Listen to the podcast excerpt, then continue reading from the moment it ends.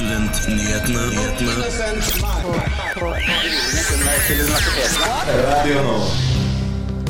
dag skal det avgjøres om trakassering i akademia skal kartlegges nasjonalt. Fire av ti voksne sier de ville valgt en, et annet utdanningsløp enn de gjorde. Hvorfor det? Nå er det snart kommune- og fylkestingvalg. Vi skal snakke litt om stemmetrenden blant unge. Flere unge opplever at de ikke kan si det de mener. Hvorfor er det slik? Det skal vi snakke om seinere i sendinga. Vi må innom det aller helligste temaet blant studenter. Det er jo studiestøtte. Studiestøtte. Har du ikke hørt det? Det aller helligste temaet blant studenter. Studentnyhetene hver fredag fra 11 til 12 på Radio Nova. Hei og velkommen til Studentnyhetene. Riktig god fredag, alle sammen. Mitt navn er Ada Helen Ingebretsen, og med meg i studio har jeg Marie med meg. Hallo, hallo. Eh, Vi har mange spennende saker for dere i dag. Det er eh, snart valg, så det blir jo spennende. Så det er mye vi skal snakke om i dag.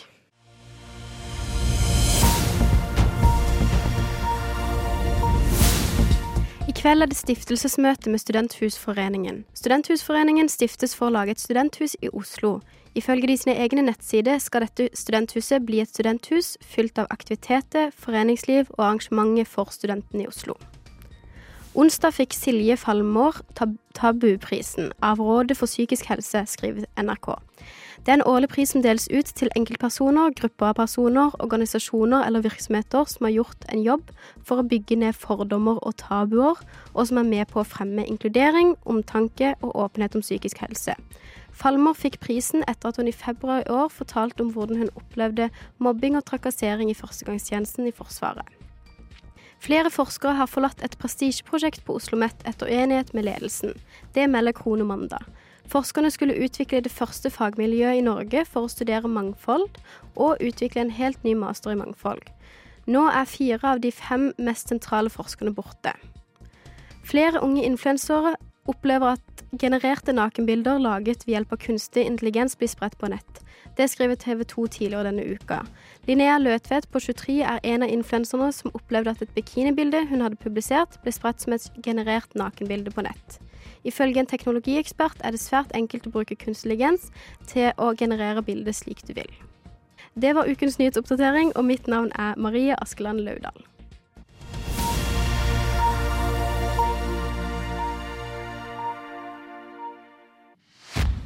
samordna opptak. Det handler om rettssikkerheten eh, til norske studenter. Akademiastrid. Oslo OsloMet Universitetet i Oslo. Studerer studentnyhetene. hver fredag fra 11 til 12. I 2019 så var det kartlegging av eh, trakassering i akademia, som kom eh, Altså en nasjonal kartlegging eh, som kom i 2019. Og da svarte 18% ja på at de hadde opplevd seksuelt overgrep, mens 35% svarte at de var usikre. Så det er den eneste nasjonale kartlegging som har blitt gjort i akademia om seksuelt overgrep og trakassering og, og mobbing. Det gjelder ikke bare seksuelt overgrep, det er også mobbing og trakassering. Eh, Så nå skal det da diskuteres om det skal komme et ny, eller en ny kartlegging som skal gjøres. Eh, Men de er innstilt på at det kommer til å bli nei, dessverre. Men det har jo blitt satt i gang tiltak etter eh, at det kom en nasjonal kartlegging i 2019. Eh, Vi har jo sett at mange universiteter har varslingssystemer. UiO mener jeg i hvert fall har det ganske tydelig på sin nettside. Eh, Marie, hva synes du, har du lagt merke til sånne varslingssystemer og andre tiltak som har blitt gjort? Oi. Eh, nei, jeg har i grunnen ikke det. Nå, for, nå ikke jeg Nå kan ikke jeg si så mye om hva Oslo OsloMet har gjort akkurat nå denne høsten, i og med at eh, jeg egentlig ikke er student nå. Eh, Jeg skal på utveksling, så jeg er ikke student nå denne høsten. Men ut ifra liksom hva jeg har sett tidligere, så har jeg jo ikke helt opplevd Og jeg husker jo vi i vår hadde ganske mange sendinger hvor vi prata om ulike opplevelser, blant annet med trakassering eller med ulike ting. Så jeg syns jo ø, personlig at det er litt rart at de kanskje ikke vil ha en ny en. Og jeg syns jo òg det er litt rart at det kun har blitt gjort én kartlegging tidligere, i og med at det er et ganske diskutert tema og viktig tema å snakke om. Tenker jeg, da. Ja, for det har jo vært eh, Vi har snakka om eh, mer lokale eh, kartlegginger. Vi har sett at det har vært kartlegginger på UiO, blant annet. Jeg mener å huske at Oslo OsloMet ikke har hatt en kartlegging. Det kan hende jeg tar feil der, men UiO har i hvert fall hatt en egen, da. Så det har jo vært litt sånn lokalt, men det er ingen store nasjonale, da. Bortsett fra den ene som er i 2019. Eh, og det er UHR, altså Universitet- og høyskolerådet, som skal behandle avgjørelsen i dag. Og som sagt så er det allerede innstilt på nei. Eh, og det er Ragnhild Hennum. Hun er leder for Komiteen for kjønnsbalanse og mangfold i forskning. Liten munnfull der. Også kalt eh, KIF-komiteen. Eh, og hun er veldig da skuffet over at det blir nei, for hun, hun, har allerede, hun hadde sagt at dette var noe de ønska allerede lenge før. Og de skulle ønske at det hadde kommet opp i det rådet tidligere da, enn i år. For nå har det jo gått en del år siden 2019. Det er vel fire år siden. Eh, men UHR mener at de ikke har ressurser eller kompetanse til en slik kartlegging. Så er det jo litt sånn, skal man sette av ressurser eller til det, eller skal man få noen andre til å gjøre en slik kartlegging? Hva tenker vi om det med å ha en slik kartlegging? Nei, altså, jeg skjønner jo veldig godt det med Men jeg føler ofte det er liksom det at man ikke har ressurser til ting. Og jeg tenker jo uansett så er jo dette en sånn I og med at det, dette handler om hele Norge, så tenker jeg uansett at det er en viktig ting å være litt sånn klar over hva er egentlig problemene vi har der, holdt jeg på å si. Uh, hvor omfattende er det? Uh, nei, jeg vet ikke. Hva tenker du? Nei, jeg syns uh, Jeg syns det er viktig Altså, jeg tenker alltid vanlig statistikk er på en måte egentlig det er, Vi trenger statistikk, vi trenger å vite liksom hvordan ting ligger an. Eh, og en undersøkelse fra 2019 sånn, De som studerte i 2019, studerer antageligvis ikke nå lenger. Nei, ikke An, sant? mest sannsynlig. Mm. Hvis man tenker liksom en bachelor da, eller en master, så er det mest sannsynlig at de ikke studerer nå, eventuelt studerer siste året sitt nå. Mm. Eh, så det er jo en helt ny generasjon på måte på i akademia nå, Mm. eh, som gjør jo egentlig at man bør jo ha slike kartlegginger årlig eller annethvert år, for å i hvert fall se trenden. Ja. Eh, men også det er noen i kommentarfeltet på en av de sakene, da. En sak som Krohn har skrevet om den her, så er det noen som har skrevet i kommentarfeltet eh, at det er unødvendig å ha en slik undersøkelse, for det vil henge ut akademia i offentligheten. Eh, og at vi bør bruke ressursene på tiltak med en gang. Men da er det også litt sånn Hvis vi ikke kan se Hvis vi ikke kan analysere trenden gjennom statistikk, ja. hvordan kan vi da vite at tiltakene fungerer? Ja, for det er det, fordi du har jo bare hatt, den ene kartleggingen i 2019, så du aner jo ikke om det som har blitt gjort de siste fire årene, har fungert. Og så har vi hatt en pandemi i mellomtida. Altså, det har jo skjedd ganske mye siden 2019. Sånn at det er jo veldig Uansett om liksom svaret er at det har gått bedre, så er jo det et viktig svar å ha. For å vite om de tiltakene har fungert eller ikke. For hvis ikke, så blir det jo litt sånn man, man gjør litt i blinde, nesten. Eh, Ja, og så kan man jo eh, spørre hvilke tiltak som fungerer, og så kan man jo kutte ressurser på de tiltakene som egentlig ikke har noen verdi. Mm, Og da vil man jo spare ressurser og kunne bruke det andre steder òg. mm, Så jeg tenker at det, det vil være positivt med en kartlegging, og det vil være Jeg tror noe som vi vil ha gode av. ja. Det tror jeg. Så da får vi se hva som blir den endelige avgjørelsen. Kanskje de, kanskje de får noen andre til å gjøre kartleggingen. ja, Muligens. det kan vi. Får vente og se til slutten av dagen. Ja, klart, som student så har du lite penger å rutte med, jeg skjønner det. Men hva betyr det for studentene? Jo, det tror jeg det er mange som lurer på. Tusen takk for at du har hørt på Studentnyhetene. Du Marie, hvis du skulle søkt eh, utdanning nå på nytt igjen, Ja. hadde du søkt journalistikk? Uh, det tror jeg jeg hadde gjort. Hvorfor det? Uh, per nå så er jeg jo fremdeles i studieløpet. Eh, og jeg har på en måte bare fått en uh, liten pekepinn på hva selve liksom, yrket vil eh, bringe, holdt jeg på å si. Uh, så per nå uh, så tror jeg nok liksom jeg er fornøyd med valget mitt, men jeg har jo òg tenkt å studere videre, så Så, så det, det sier jo litt om saken. Men hva med deg? Nei, jeg tror også jeg hadde valgt journalistikk. Jeg hadde kanskje Jeg tror jeg hadde kanskje valgt å studere noe annet, men likevel gått inn i journalistikken. Så det blir litt Ja. sånn samme greie. Men uh, litt sånn tilbake i samme yrke her. Men, uh, men vi er i hvert fall ikke de eneste, da. For det er jo seks av ti som sier de hadde valgt samme yrke hvis de skulle studere på nytt igjen. Men det betyr at det er fire av ti voksne som sier at de hadde valgt noe annet.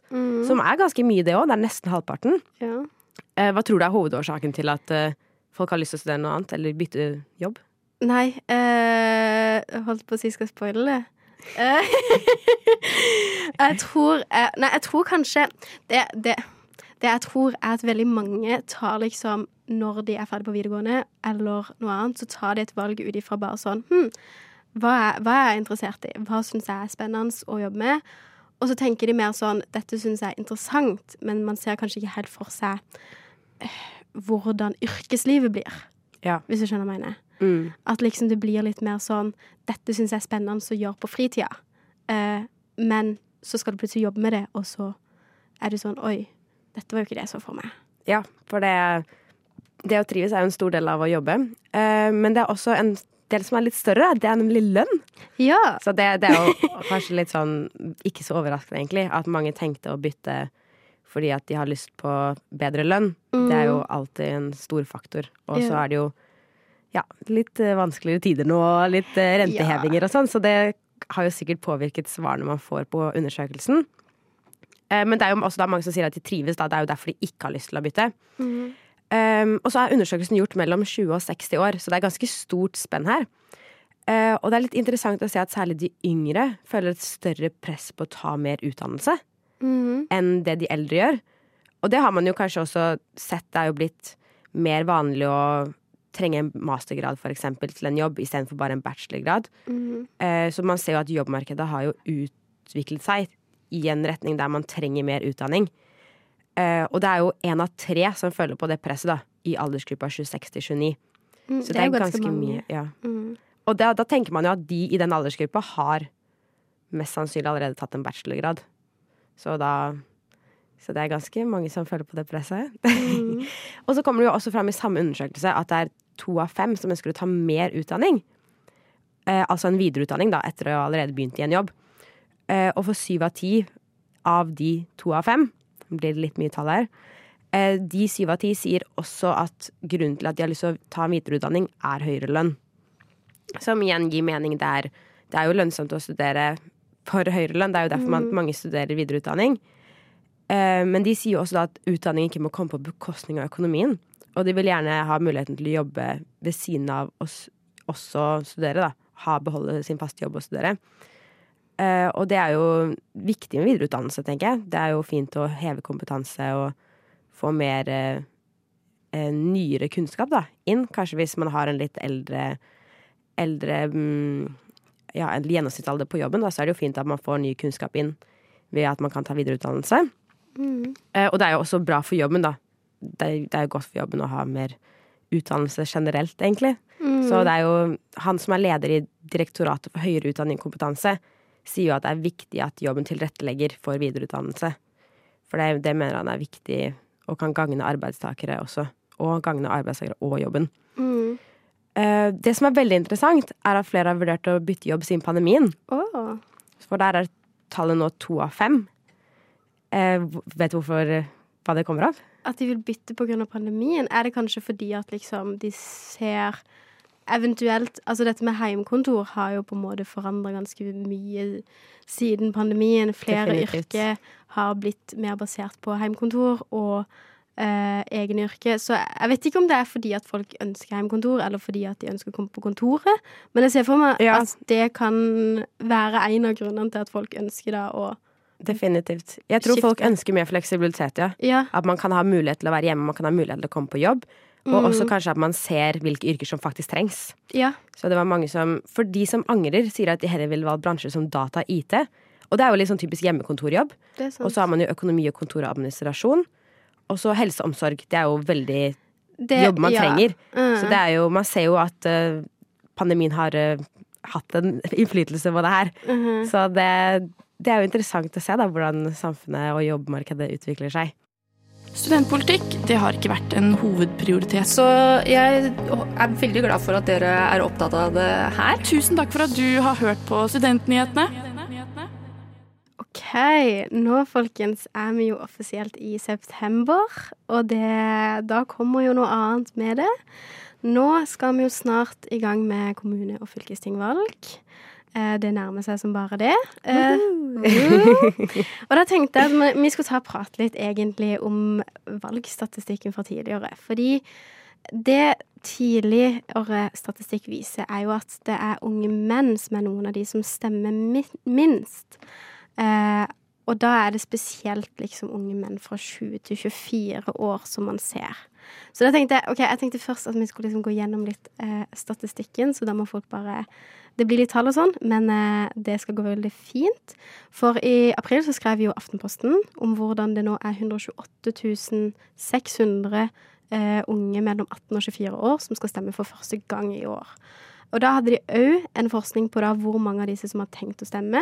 Og der er det faktisk 36,5% av disse førstegangsvelgerne som allerede eh, i april sa at de heller kom til å være hjemme enn å stemme. Altså hva er det man kaller det? Sofa... Nei. Uh, ja, nei, nei, jeg husker ikke hva Nå det husker jeg ikke hva det heter, men iallfall Ja. folk som ikke Folk som ikke stemmer. Eh, og annen forskning fra vi, tidligere sånne mm, kommunevalg viser òg at det er minst blant unge. Eh, blant annet så forrige kommunevalg i 2019 så hadde eh, SSB eh, en statistikk over at eh, da var det veldig mange som stemte når de var 18, altså 57% stemte når de var 18, men eh, det laveste antallet var blant de som var 22 år, hvor det var kun 34% som stemte under- kommunevalget. Og de andre som var under det prosentet i alder, det var de som var 94. Så det var liksom først 22-åringene, og så var det 94-åringene som var nederst, på en måte. Eh, hvorfor, eh, Adalien, tror du at det er så mange unge, og spesielt unge menn, som velger å ikke stemme? Jeg tror eh, det er mye med det at eh, det er liksom midt i måte, studieårene. Mm. Så mange har flytta hjemmefra. Man er i en kanskje ny, helt ny kommune, nytt fylke, som man ikke kjenner noe til. Man har jo ikke Mange stemmer jo ut ifra på en måte der de bor, og den opplevelsen de har av å bo i den kommunen. Men så har du liksom bodd kanskje i en kommune i ett år, da, så skal du plutselig stemme. Mm. Og så skal det være i fire år, så du er ikke der engang når de er ferdige å regjere eller styre. Ja, ja. Så du, du velger på en måte for noe som du kanskje ikke helt vet om. Mm. eh, som gjør at eh, det kan være vanskelig for eh, Vanskelig å bestemme seg da, for hva man skal stemme. Og gjøre det vanskelig også å sette seg i alle de forskjellige partiene. For eksempel i Oslo så er det jo utrolig mange partier jeg aldri har hørt om. Mm. Jeg visste liksom ikke der, eh, Jeg går forbi Nationaltheatret hver dag til universitetet, og så har det kommet et nytt parti som heter Industri eller et eller annet. Ja, ja, industri, ja. Ja, Mm. jeg har aldri hørt om det før. Jeg har aldri sett det før. Jeg har ikke sett det noen tidligere år før heller. Mm. Så det, er, det blir veldig mye å sette seg inn i. Mm. Eh, og det kommer jo alltid opp nye partier. Det gjør det jo i hvert fall i Oslo. Nesten Ja. hvert år.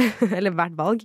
Så det er jo veldig mye å sette seg inn i. Det tror jeg er hovedgrunnen. At det er for Mm. mye å sette seg inn i. Og så det er kanskje jo litt at du kommer litt på avstand i og med at du liksom eh, ikke bor i den kommunen, og det er kanskje i den kommunen hvor alle debattene eh, holdes, og så er Ja. du et helt annet sted, så du får ikke med deg egentlig liksom informasjonen de kommer med. Men du skjønner, Universitas de har òg skrevet en sak om dette hvor de snakka med en forsker. Da var det Johannes Berg, som er forsker ved Institutt for samfunnsforskning.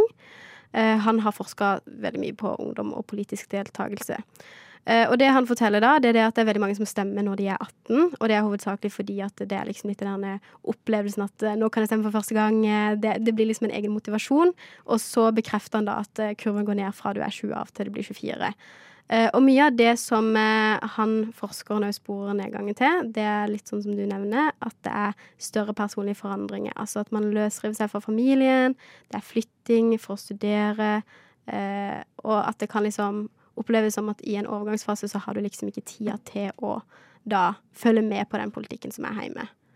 Eh, så det er nok mye av grunnen, sier han, til at eh, unge ikke stemmer. Definitivt. Og jeg syns det er eh, Jeg syns faktisk man har blitt flinkere Eller kan jeg bare har blitt eldre og lagt merke til det. Nå som jeg liksom må stemme, eller ikke må stemme, men kan stemme. Yeah. At det har blitt bedre med politiske debatter, og vi skal ha valgkickoff med Eller studentene skal ha valgkickoff på mandag i, på, i Glassbaren på Chateau Neuf. ja, kom, kom. Så det er bare å komme for å få innføring i, innføring i politikk der. Så der kommer det masse med da, hovedvekt på studenter. Eh, og ting som er viktig for oss studenter, da, som kollektivtransport og miljø og boliger og slike ting. Så det tror jeg blir spennende. Så jeg bare kommer på det på mandag. Har dere Senterpartiet glemt studentene når dere skrev deres valgprogram for Oslo? Altså, mulig, men Studentnyhetene. Vi er nyhetsprogrammet av og med studenter. Hver fredag fra 11 til 12 på Radio Nova. Ja, og jeg tenkte at vi skulle ikke stoppe helt med valget ennå, eh, i og med at det nå nærmer seg igjen. Eh, og i løpet av denne perioden, i og med at det nærmer seg valg, så er det jo veldig typisk at det er mye debatter både i kommunen, rundt i Norge, på TV, hele pakka. Eh, og i går kveld jeg tenkte jeg skulle snakke litt spesifikt om eh, en ting som kom opp på det som heter Valgkveld, eh, som de holder på TV 2. eh, hvor annet Simen Velle fra FPU var på besøk, og han snakka litt om hvordan flere debatter ikke da blir gjennomført av at folk ikke tør å uttale seg, eller på grunn av at det kommer ulike da eh, angrep eller meninger som gjør at de ikke kan eh, eh, føle at de kan si det de mener. Eh, og det er jo undergrunnet av en statistikk som de kom med. Eh, det er en statistikk som Ung 23 har kommet med, som er opinion-studie av norsk ungdom i alderen 15 til 25 år. Den viser rett og slett at 37% mener de ikke kan si det de egentlig mener, fordi at samfunnet er opptatt, for opptatt av eh, hva som er politisk korrekt.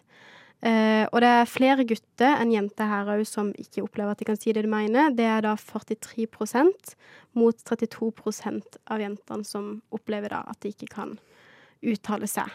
Eh, hva tenker du om disse tallene, Adelene? Har? Nei, um, jeg, ikke, jeg føler ikke jeg er veldig overraska. Jeg føler, jeg, eller jeg føler jeg er litt overraska over hvor høyt det er, men jeg er ikke Mm. overraska over at måte, konseptet eksisterer at man, med selvsensur. Mm. Uh, for det har jeg egentlig alltid følt at det har alltid vært et tema, kanskje. Uh, blitt litt mer nå i de siste årene på grunn av den politiske debatten generelt. Um, men eh, det er egentlig litt sykt at det er nesten halvparten av guttene, liksom 43 Mm. Det er veldig høyt. Det, det er for høyt, på en måte. Mhm. Eh, og jentene er også ganske høyt, egentlig. Um, 32% Det er ikke et lavt tall. Det er det ikke. Um, men jeg syns jo at, uh, at uh, 37 mener de ikke kan se det de, si det de egentlig mener, er et ikke for høyt tall til å liksom tenke nå er det helt krise, nå er det over, på en måte. Mm. Men det er på en måte nå et tall der vi må være sånn nå må vi begynne å se på tiltak til hvordan vi kan åpne opp debatten litt mer, da. Mm. Ja. Og så var det jo litt sånn som Simen eh, Velle. Han nevnte òg dette her ved at liksom veldig mange diskusjoner i debatten da, eh, som egentlig Altså hvis du skal debattere et betent tema, at veldig mange av de debattene forsvinner litt.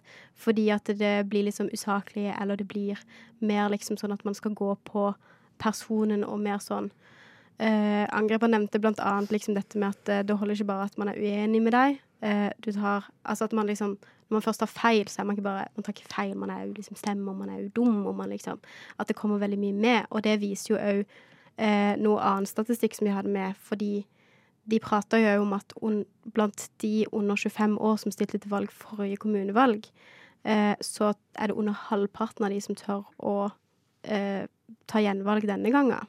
Som er ganske mange. Har, Det er du, mange, Ja, har du vært på liksom noen debatt eller et eller annet sånn?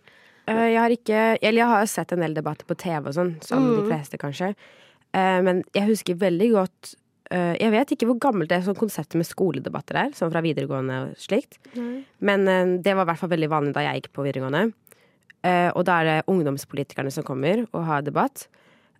Og det går hardt for seg, i den forstand det er mye angrep Mm. på motparten. Og uh, jeg mener å lese en sak på VG eller Dagbladet, husker jeg, om at uh, AUF hadde fått, eller den som var på skoledebatten for AUF, jeg husker ikke hvem det var, hadde fått kritikk for å uh, komme med personangrep i, i avskjedningsinnlegget sitt på en Mm. skoledebatt. Eh, og det er litt sånn interessant, da, fordi jeg må jo innrømme at når vi så på skoledebatter på skolen, så var det morsomst når de begynte å roaste hverandre. Mm. Det var jo det som var, det var, det som var gøy for oss som var liksom 16-17 år gamle. Mm. Det var jo det som vi syntes var morsomt med politikk. Mm. Men nå som jeg er eldre, jeg skulle på en måte ønske at det var litt mer saklig, man kunne kanskje lært noe mer av det. Det hadde vært mye bedre, mye bedre for alle, egentlig. Mm. Og da hadde man kanskje kommet litt tidlig inn i politikken, eller vært litt, litt mer engasjert også. Mm. Sånn generelt. Ja, for jeg husker at jeg opplevde òg liksom når vi hadde eh, debatter på videregående, og jeg var jo faktisk på debatt nå eh, fordi jeg jobba litt i lokalavisa hjemme, og da var jeg dekka skoledebatten. Så da fikk jeg se litt åssen det var i år òg, og da liksom tenkte jeg på at det er veldig likt ved liksom det at det, hele fokuset er egentlig på liksom sånn hva de andre partiene gjør galt eller ikke har gjort, mer enn liksom hva er det mitt parti står for? At det blir liksom mer et angrep mot de andre enn enn liksom at du faktisk får den informasjonen. Jeg følte aldri jeg satt igjen med en sånn informasjon over Å ja, dette er det de mener. Jeg var bare sånn Dette er det alle har gjort galt, på en måte. Ja, jeg tror at hvis eh, vi hadde gått litt videre fra liksom personangrep og litt mer til sånn det saklige, så hadde debatten automatisk åpna seg litt mer. Og det hadde kanskje ikke blitt like mye selvsensur, da. Mm. Eller det i en drømmeverden jeg har, da. Ja. tenker jeg det hadde vært en fin Fint om, fint om det skjedde. Vi må innom det aller helligste temaet blant studenter. Det er jo studiestøtte. Studiestøtte. Har du ikke hørt det? Det aller helligste temaet blant studenter. Studentnyhetene hver fredag fra 11 til 12 på Radio Nova. Vi nærmer oss dessverre slutten på Studentnyhetene for i dag. Nei. Denne fine, fine første høstdagen i 2023. Men det er straks helg, da. Hva skal du i helga, Marie? Eh, åh, det var et godt spørsmål. Du, jeg, jeg har liksom tatt sommerferie nå, egentlig. For jeg har jobba hele Ja. sommeren, og så begynner ikke jeg studiet nå før 2. oktober. Så nå er jeg litt sånn eh, forvirra over dager. Men jeg vet at eh, hun jeg bor med, har et eller annet planlagt for oss i morgen. Jeg vet ikke hva, jeg tror det var noen konsert eller noe sånt. Så jeg skal hyggelig. gjøre noe sånn, og så blir det litt eh, Og møte litt venner og sånn. Og jeg kom akkurat inn i Oslo igjen, så nå føler jeg må liksom møte alle for å få oppdatert liksom hvordan har det vært i sommer. Og, Ja, ja. alt sånn. Hva med deg, da? Uh, jeg skal jobbe, faktisk. Ah. Så det er ikke så spennende der for meg. Men uh, jeg håper at uh, det får slappe litt av på kveldene, da, i hvert fall. Ja. Kanskje noe film eller noe, håper jeg. Ja, jeg føler når du har jobbhelg, så må du bare utnytte liksom kveldene. Ja. liksom slappe Og så jeg jobber både lørdag og søndag, Ja. så det er ikke sånn bare lørdagen heller. Ah, det blir fullt kjør. Men hvor er det du Ja. jobber igjen? Jeg jobber i lokalavis. Hvem skulle tro det? Jeg jobber med journalistikk. Oi, oi, hva? Jeg ville aldri gjette. Så det blir, eh, blir journalistikk for meg i dag, og journalistikk i morgen, og journalistikk på søndag. Ja, det liker mye, mye journalist. Ja, ja, ja. Det er mye det går igjen, folkens. Journalistikk på studentnyhetene. Det gjør det. Men eh, det er veldig hyggelig at dere har hørt på i dag, dere som har hørt på. Hvis dere har lyst til å høre på på nytt igjen, så er det selvfølgelig lov. Fordi vi legger ut på eh, podkast hvor enn du måtte høre på podkast. Eh, og så er det bare å følge oss på sosiale medier. Der heter vi Studentnyhetene, og det er bare å slide in in our DMs eh, for å gi oss litt tips om saker. Hvis dere har noe dere vi skulle ønske vi skulle dekket. Hvis det er noe arrangement, eller hva enn det skulle være. Det, kanskje det er eh, et møte eller et arrangement, eller kanskje da er bare en kul person du har lyst til å ha på et intervju. Hadde det vært kult å tipse oss om det. Hei, nyhetsredaktør eh, Sigrun her, som er på teknikk. Jeg vil også anbefale alle sammen å søke til Radio Nova. Ja, Fordi den fristen går ut Ja. på søndag 23.59.